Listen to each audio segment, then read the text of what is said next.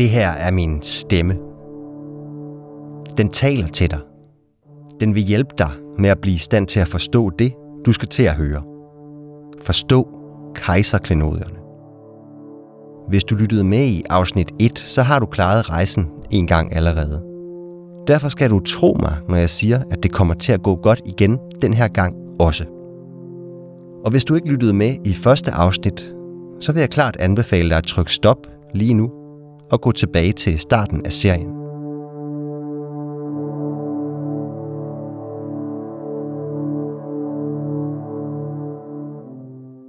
Nu skal du med til Værmland og til Portugalien. Ind i Selma Lagerlöfs roman Kejseren af Portugalien. Den her gang vil jeg fortælle dig om Solens pige. Hun hedder Clara Fina Gulleborg, og hun er Jan Andersons datter. Jan, hvis vanvidsforestillinger vi hørte om i første afsnit. Historien om den lille Clara Gulla, der en dag bliver en voksen kvinde, er en fortælling om et uundgåeligt svigt, en hver ung må gå igennem, når voksen tilværelsen kalder. Vi har alle sammen været den unge, eller er den unge lige nu. Derfor skal du lytte med og tage med på rejsen. Det her er min stemme. Om et øjeblik tæller jeg til 10. Og for hvert tal du hører, kommer du længere og længere ind i fortællingen om Clara Gulla og hendes far, Jan. Er du klar? 1. Tag en dyb indånding. 2. Hold vejret et stykke tid, før du slipper det.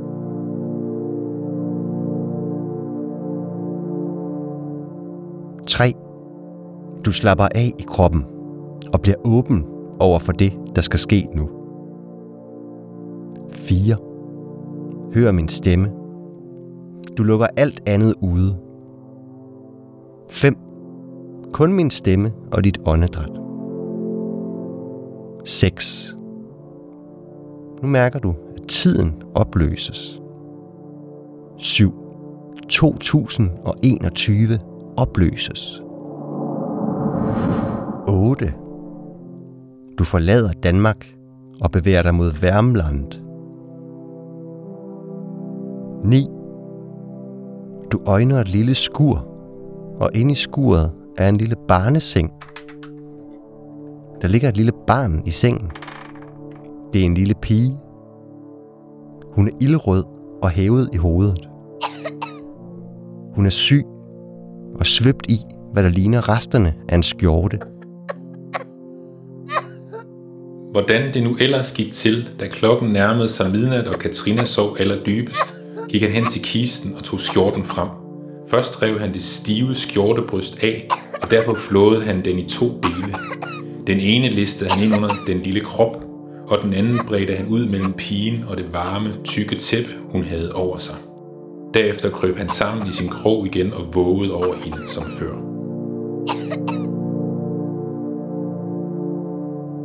Når jeg siger tallet 10, træder du ind ad døren til den lille Clara Gulla. 10. Skrålægger.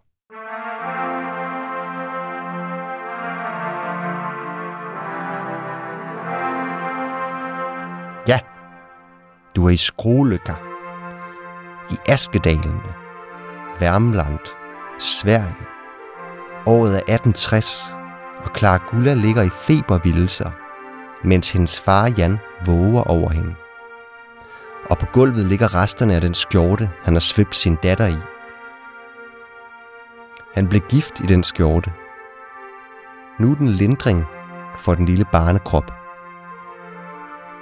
Familien er fattig, og skjorten er det fineste stykke stof. Det eneste stykke bløde stof, de ejer. Hold lige fast der. Vi er kommet til andet afsnit af Kejserklenoderne. En podcast, hvor vi åbner Selma Lagerlöfs store roman Kejseren af Portugalien. Den är så gripande därför att den skildrar kärleken både som någonting som kan ödelägga en och samtidigt det enda som kan göra en till människa på riktigt. Velkommen tilbage til en fortælling om en kærlighed, der både kan ødelægge og gøre os til rigtige mennesker. For at forstå historien om den lille pige, der allerede er blevet rask igen og står og venter uden for skuret, klar til at komme i skole, har vi igen brug for den svenske stemme, som vi også hørte i afsnit 1. Jag heter Anna-Karin Palm och jag är svensk skönlitterär författare.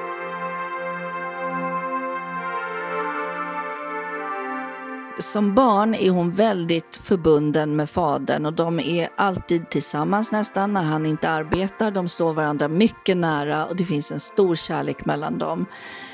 Men hon är också en intelligent, kvicktänkt och självständig flicka och det visas på olika sätt i boken. Och det finns ju det antyds genom såna här små varselscener vad som kommer att hända. Till exempel första gången när Jan går med Klara-Gulla till skolan. Och så kom, de går hand i hand på landsvägen. Men när de kommer fram till skolan och Klara-Gulla ser de andra barnen, då släpper hon hans hand och går över på andra sidan vägen och närmar sig barnen. Klara-Gulla slipper alltså sin fars hånd allerede här, som en lille skolepige. Hon har en otroligt stark kärlek till sin pappa men hon har också helt naturligt en, en vilja att också släppa taget om sin pappa och närma sig världen på sitt eget sätt.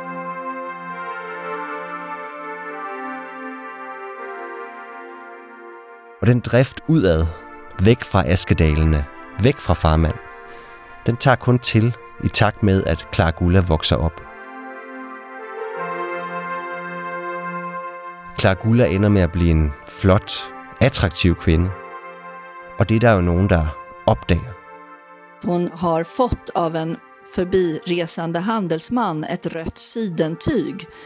Eh, föräldrarna hade inte råd att köpa det men handelsmannen säger men hon får tyget för hon är så vacker och hon ska ha den här klänningen. Så hon går eh, med en röd klänning som ju är då förstås associeras till sexualitet och synd och fara på olika sätt och, och självständighet. Och de blir också till och med uppläxade av prästen för att hon har den här röda klänningen i kyrkan. En rød silkekjole, som både er flot og farlig, og i hvert fald tiltrækker sig opmærksomhed. Anna Karin Palm fortæller dig her om en central scene, hvor Jan følger efter sin datter ud i skoven. I skoven kan hun nemlig være i fred, og hun har taget sin røde kjole på. Janis i er ute och går i skogen och så hör han någon som sjunger. Och så följer han efter och så förstår han ju att det är Klara-Gulla som sjunger. Och hon klättrar upp på ett av de högsta bergen i trakten, Storsnipa, och står där uppe och sjunger klädd i sin röda klänning.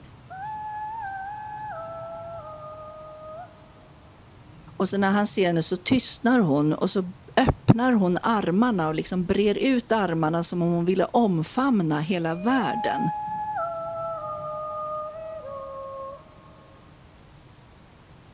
Da Jan endelig havde skoven bag sig og kom ud i det fri, så han straks den, som sang. På den allerhøjeste klippetop, hvor udsigten var videst, lå der en stenbunke som afgrænsning, og på den øverste sten stod Clara Fina Gulleborg i sin røde kjole. Hun sås klart og tydeligt mod den blege aftenhimmel, og hvis folk nede i dale og skove dybt under hende havde haft deres øjne rettet mod Storsnipa, burde de have kunne se hende, som hun stod der i sin strålende dragt.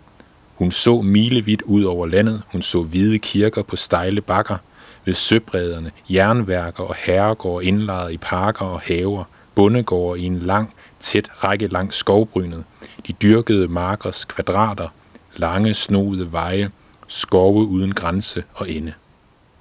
Det är en fantastiskt vacker scen av ungdomlig längtan och iver och liksom begär till en större verklighet. Och samtidigt då pappan som ser henne och som blir enormt smärtad och sorgsen därför att han i det ögonblicket inser att hon inte bara reser för att hjälpa dem utan för att hon faktiskt längtar bort. Den smukke kjole, udsigten fra toppen af Storsnipper, giver Clara Gulla selvtillid. Hun er ikke længere fars lille pige, men selv et stærkt menneske, der kan udrette noget i verden.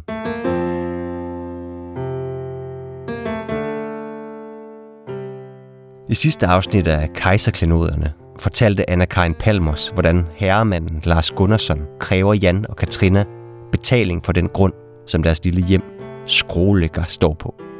Det er uretfærdigt, taget ud af den blå luft, og det er et beløb, de fattige daglejere umuligt kan betale.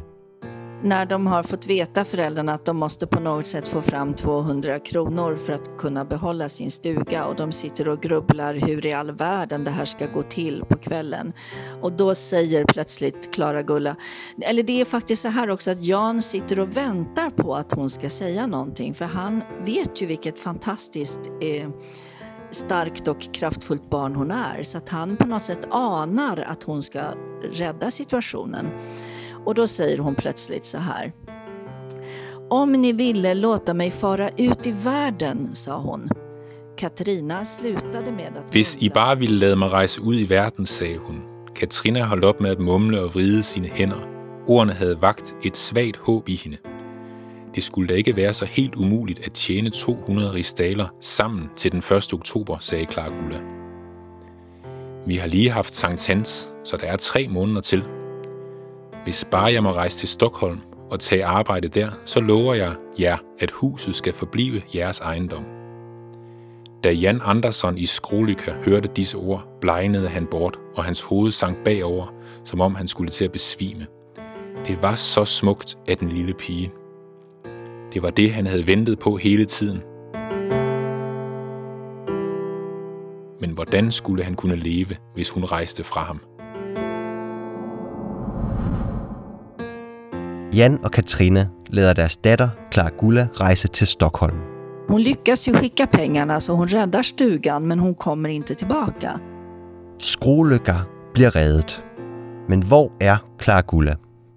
Hvorfor kommer der intet nyt? Då börjar Jan sitta på vid ångbåtsbryggan och vänta varje gång ångbåten kommer in för att han är övertygad om att hon ska vara ombord.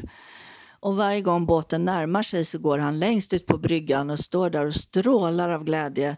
Och sen långsamt, när får han inse att hon inte var med den här gången heller, så får han gå tillbaka, går han därifrån nedbruten. Det är här det slår klick för Jan. Han fortsätter ju att bygga på sin fantasi. Varje gång han så att säga, får smärtan av att hon inte kommer så blir hans fantasivärld nästan ännu starkare. Alltså det är ju verkligen också, det är så tydligt hur han så att säga behöver den här fantasin för att kunna fortsätta älska henne. Och, och han måste älska henne för det är kärleken till henne som har gjort honom till människa. Jan vil ikke se realiteterne i øjnene, så på det her tidspunkt tager han afsted til Portugalien. Og du skal med. Om lidt tæller jeg fra 11 til 20, og langsomt vil du forlade Værmland, Jan i Skrålykker og komme til Portugalien. Der er en, der venter på dig der.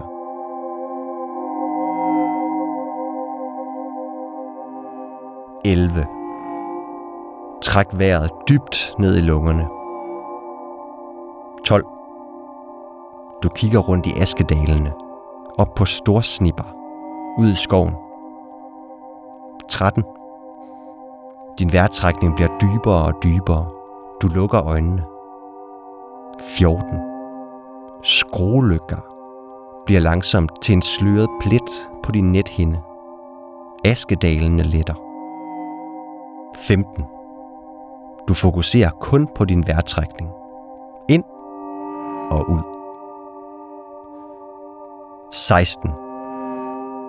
Nu ser du din kejserkrone og dit scepter. Du går hen til kejserklenoderne. 17. Du hører en svag stemme i togen. Hvad er det? Hvem er det? 18. Når jeg siger tallet 19, tager du kejserklenoderne på. Alt andet er ligegyldigt. 19. Du tager kejserklenoderne på. Og på tallet 20 er du fremme i Portugalien. 20.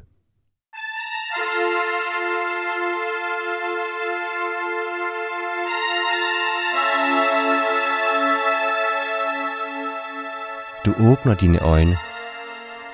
Du er i Portugalien. Og stemmen, der kalder, er nu helt tydelig. Det er kejserinden. Du har fundet Clara Gulla.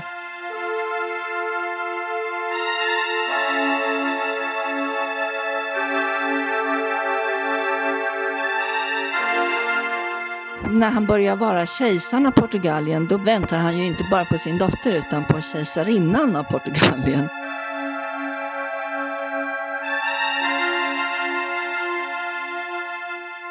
Jan ved, at Clara Gulla er her i paradiset Portugalien.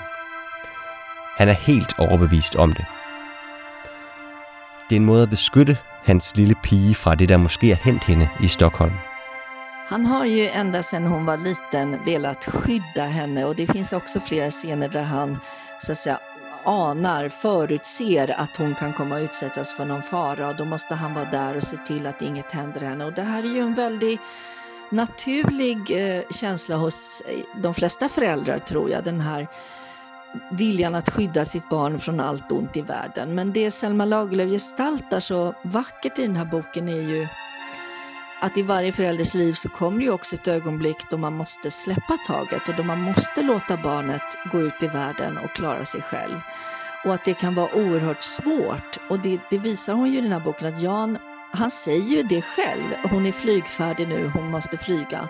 Men i, i sitt känsloliv har han enormt svårt att faktiskt släppa taget. Därför att hon är, hon är den som har förvandlat hans liv. Hon är meningen med hans liv kan man säga. Och det är ju också en ganska tung börda för ett barn att bära.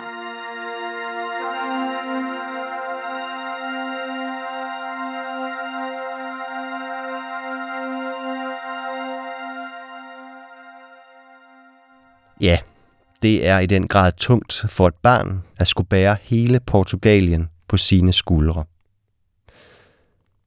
I romanen hører vi intet om Clara Gullas liv i Stockholm, ligesom Jan ikke hører noget om det. Så for at forklare os, hvad det er, der sker, når et barn flytter hjemmefra, har vi brug for hjælp fra en ny stemme. Jeg hedder Mette Lykke Nielsen, og jeg er forsker og lektor på Center for Ungdomsforskning, som ligger på Aalborg Universitet. Det er jo sådan en helt øh, eksistentiel, menneskelig tilblivelsesproces, kan man sige. Man bliver til som menneske, altså hvor barnet bevæger sig fra at være fuldstændig afhængig og tilknyttet til forældrene og til hjemmet, og så over tid at blive mere og mere uafhængig og selvstændig. Det er jo en meget lang og meget kompliceret proces, kan man sige, som er både følelsesmæssig og praktisk. Altså at man skal lære sig nogle praktiske ting i livet, at tage vare på sig selv, lave mad og vaske sit tøj og være økonomisk uafhængig, men også at, øh, at løsrive sig mere eller mindre følelsesmæssigt for sine forældre og, og selv skabe sine egne relationer. Mette Lykke Nielsen fortæller os, hvad der ligger i løsrivelsesprocessen fra barn til voksen, når man ser på det under en sociologs mikroskop. Det kalder vi for en transitionsproces, en overgangsproces, kan man sige. Det er der rigtig mange af, forskellige typer af overgangsprocesser i ungdomslivet. Altså overgangsprocesser er altid knyttet til en form for usikkerhed, fordi der sker noget nyt, og, og det er også knyttet til typisk store følelser. I kejseren af Portugalien er Jans følelser i forbindelse med Clara Gullas løsrivelsesproces kørt helt af sporet. Eller er de? I hvert fald bygger han en tryg og sikker verden til hende ind i sit eget sind.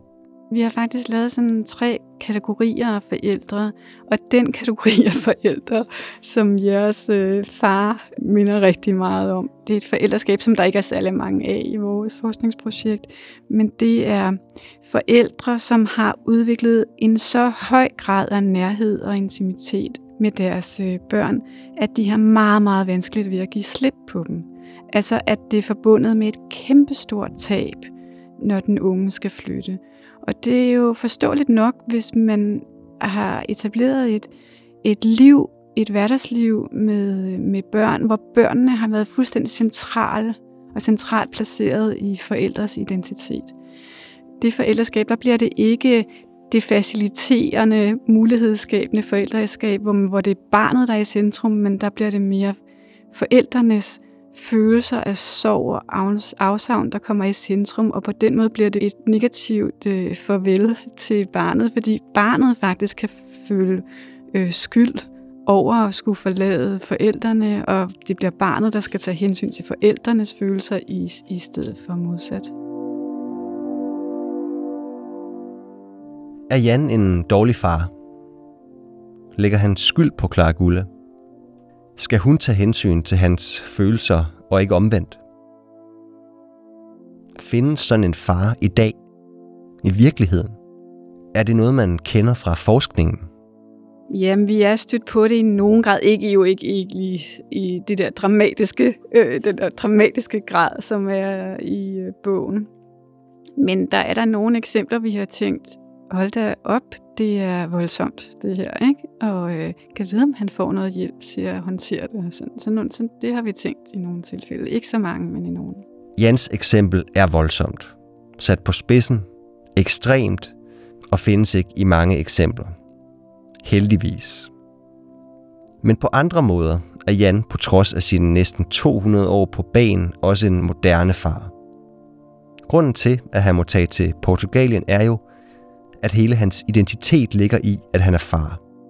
I de sidste 30 år kan man sige, at der er sket det, at det er blevet mindre hierarkisk.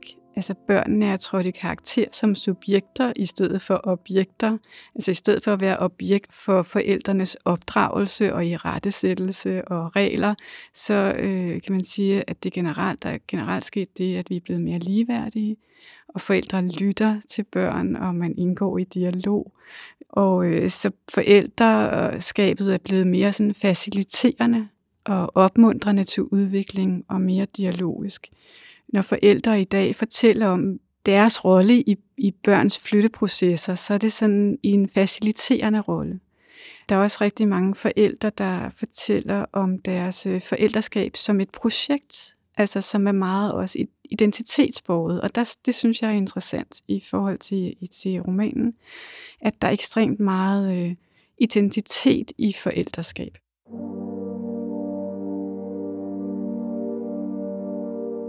Han undgik altid Bjørn Hendriksson. Ikke engang på pladsen uden for kirken plejede han at gå hen og give hånd og sige goddag.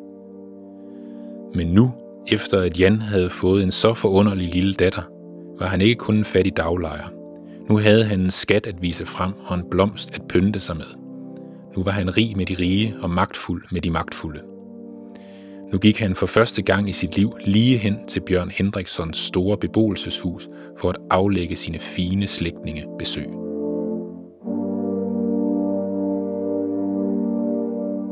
Det øh, er faktisk sådan meget moderne, kan man sige, øh, faderskab fordi at øh, det typisk har været sådan, at det var lønarbejdet, eller man kan sige det produktive arbejde, øh, der var identitetsbærende for fædre, mens det var det reproduktive, der var identitetsbærende for, for øh, mødre og for kvinder som sådan, afhængig af igen social klasse og alle mulige andre øh, kategorier. I kejseren af Portugalien slipper Selma Lagerlöf Clara Gula af syne i samme øjeblik, hun tager med færgen og herfra fokuserer hele fortællingen på faren, Jans ekstreme oplevelse af transitionsprocessen. Vi har også interviewet øh, forældrene til de børn eller unge, vi har interviewet, der hvor det har kunnet lade sig gøre. Og de forældre, øh, også forældre, som har et godt og fint og omsorgsfuldt relation til deres øh, unge, de rigtig mange fortæller om, at øh, når, når, især når det sidste barn, hvis der er flere børn i familien, flytter hjemmefra, så bliver det en transitionsproces eller en overgangsproces for de voksne, ligesom det er for børnene. Så der er ligesom to parallelle overgangsprocesser i gang, og vi troede jo, vi sådan set skulle undersøge kun de unges, men det blev faktisk også lidt en undersøgelse af, af de voksnes overgangsproces. Og vi blev overrasket over fortællinger om sorg og tomhed, og, og for nogle også depression, og også meget glæde. Altså det er faktisk meget øh, flertydige følelser, der er på spil, fordi, fordi på en måde så bliver de fleste forældre meget glade og stolte over, når et barn kan, kan, kan klare sig selv og etablere et selvstændigt voksenliv, men det er også forbundet med en form for sorg, fordi at de nu skal til at udfylde deres liv med nogle andre ting, end det, der har fyldt så meget i mange forældres liv. Ikke? Og det er jo præcis af den grund, at børn og forældre er kommet så tæt på hinanden. Sorg, depression blandet op med stolthed. Det beskriver egentlig meget godt det, der sker med Jan i kejseren af Portugalien. Blot i en ekstrem grad, hvor de mørke kræfter får for stor indflydelse og driver Jan ud over virkelighedens kant. Men hvordan ser den gode transition ud? Hvad skulle Jan og Clara Gulle have gjort? Den gode overgang, det er den overgang, hvor barnet eller den unge ligesom selv beslutter og selv vælger, at nu vil, vil han eller hun gerne flytte, og nu passer det ind i, i hans eller hendes øh, livssituation. Der er jo også unge, som bliver smidt ud hjemmefra, eller som af en eller anden grund, på grund af konflikter med mor eller far eller andre grunde, ikke kan blive hjemme. Og det er en relativt dårlig start på, på voksenlivet. Så i første omgang er det den selvvalgte flytteproces. Det, den gode overgang er selvvalgt. Og så er det vigtigt, at øh, den gode overgang bliver støttet følelsesmæssigt og praktisk af forældre. Øh, og det er det præcis af den grund, som, som jeg snakker om før, at der er sådan, at det, der er en, øh, Øh, et normativt ideal om meget stor nærhed og støtte for forældre, og de unge, der ikke har mulighed eller ikke får den støtte, de ser det selvfølgelig som et meget stort tab og savn, hvis det ikke er eksisterende. Så Clara Gulla skulle tage valget selv. Det gjorde hun jo. Dernæst skulle Jan have støttet processen praktisk og følelsesmæssigt. Måske det netop, hvad Jan gør, eller i hvert fald insisterer på at gøre i sin afmagt. Når han er afskåret fra at støtte Clara Gulla i den virkelige verden, Sverige i 1860, må han lave en ny verden, Portugalien, hvor han kan gøre Clara Gulla til kejserinde.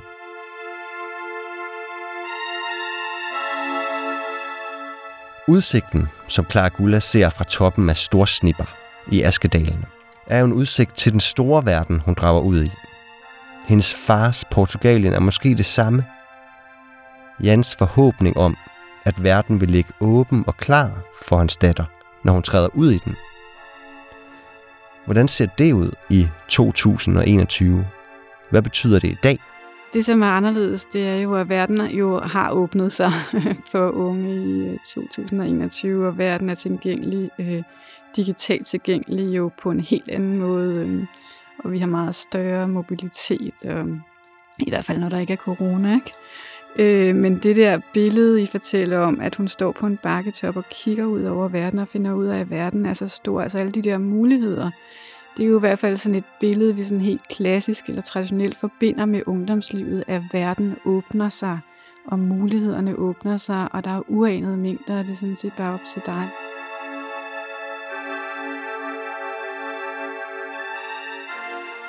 Hun så milevidt ud over landet. Hun så hvide kirker på stejle bakker, ved søbrederne, jernværker og herregård indlejret i parker og haver, bondegårde i en lang, tæt række langs skovbrynet, de dyrkede markers kvadrater, lange, snoede veje, skove uden grænse og ende. Men det, som jeres roman måske også kan i talesætte, det er, at der er også nogle store begrænsninger, og verden er ikke altid helt åben, og, det, og man kan også slå sig på verden.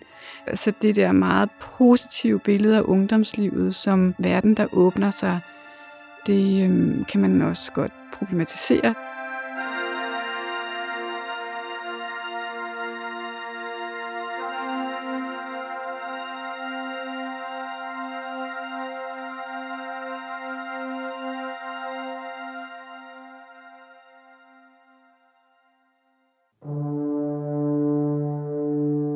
Det er blevet tid til at vende tilbage til virkeligheden. Det her var andet afsnit af Kejserklenoderne. Og før vi slutter, skal jeg have bragt dig sikkert tilbage fra Portugalien og Værmland. Tilbage til det, du er overbevist om, er din virkelighed. Jeg kan jo ikke efterlade dig her i Portugalien, vel? Nu tæller jeg ned fra 10. På tallet 1 vil du vågne og være tilbage, hvor du startede. Det er kun din bevidsthed, der har været på en rejse til skruelykker, og Portugalien. 10. Du ser ud over dit mægtige kejserige. 9. Din vejrtrækning bliver mere normal. 8. Du tager kejserkronen af, sætter den ud i luften og lader den flyve væk. Du sætter dit sølvscepter fra dig og aner Værmlands skove komme frem fra togen.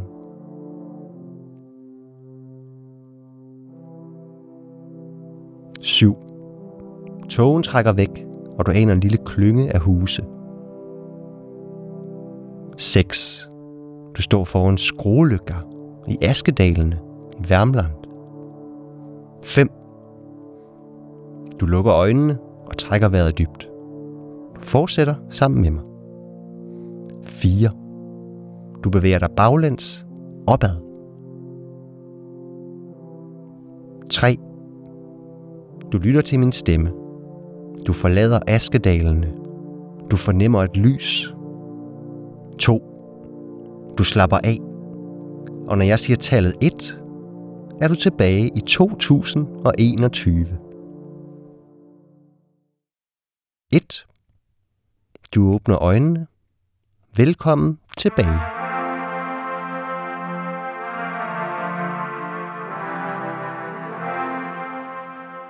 Tak fordi du tog med på denne anden rejse ud af fire ind i Selma Lagerlöfs Kejseren af Portugalien. Nu er du tilbage i din trygge hverdag, hvor du startede.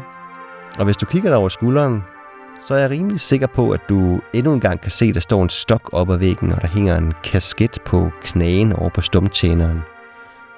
Eller måske er det en kejserkrone. Jo. I hvert fald er det meget godt. For dem får vi brug for næste gang, vi skal ud og rejse. Næste gang i kejserklenodierne får vi besøg af nye gæster. Det skal handle om Jan som far.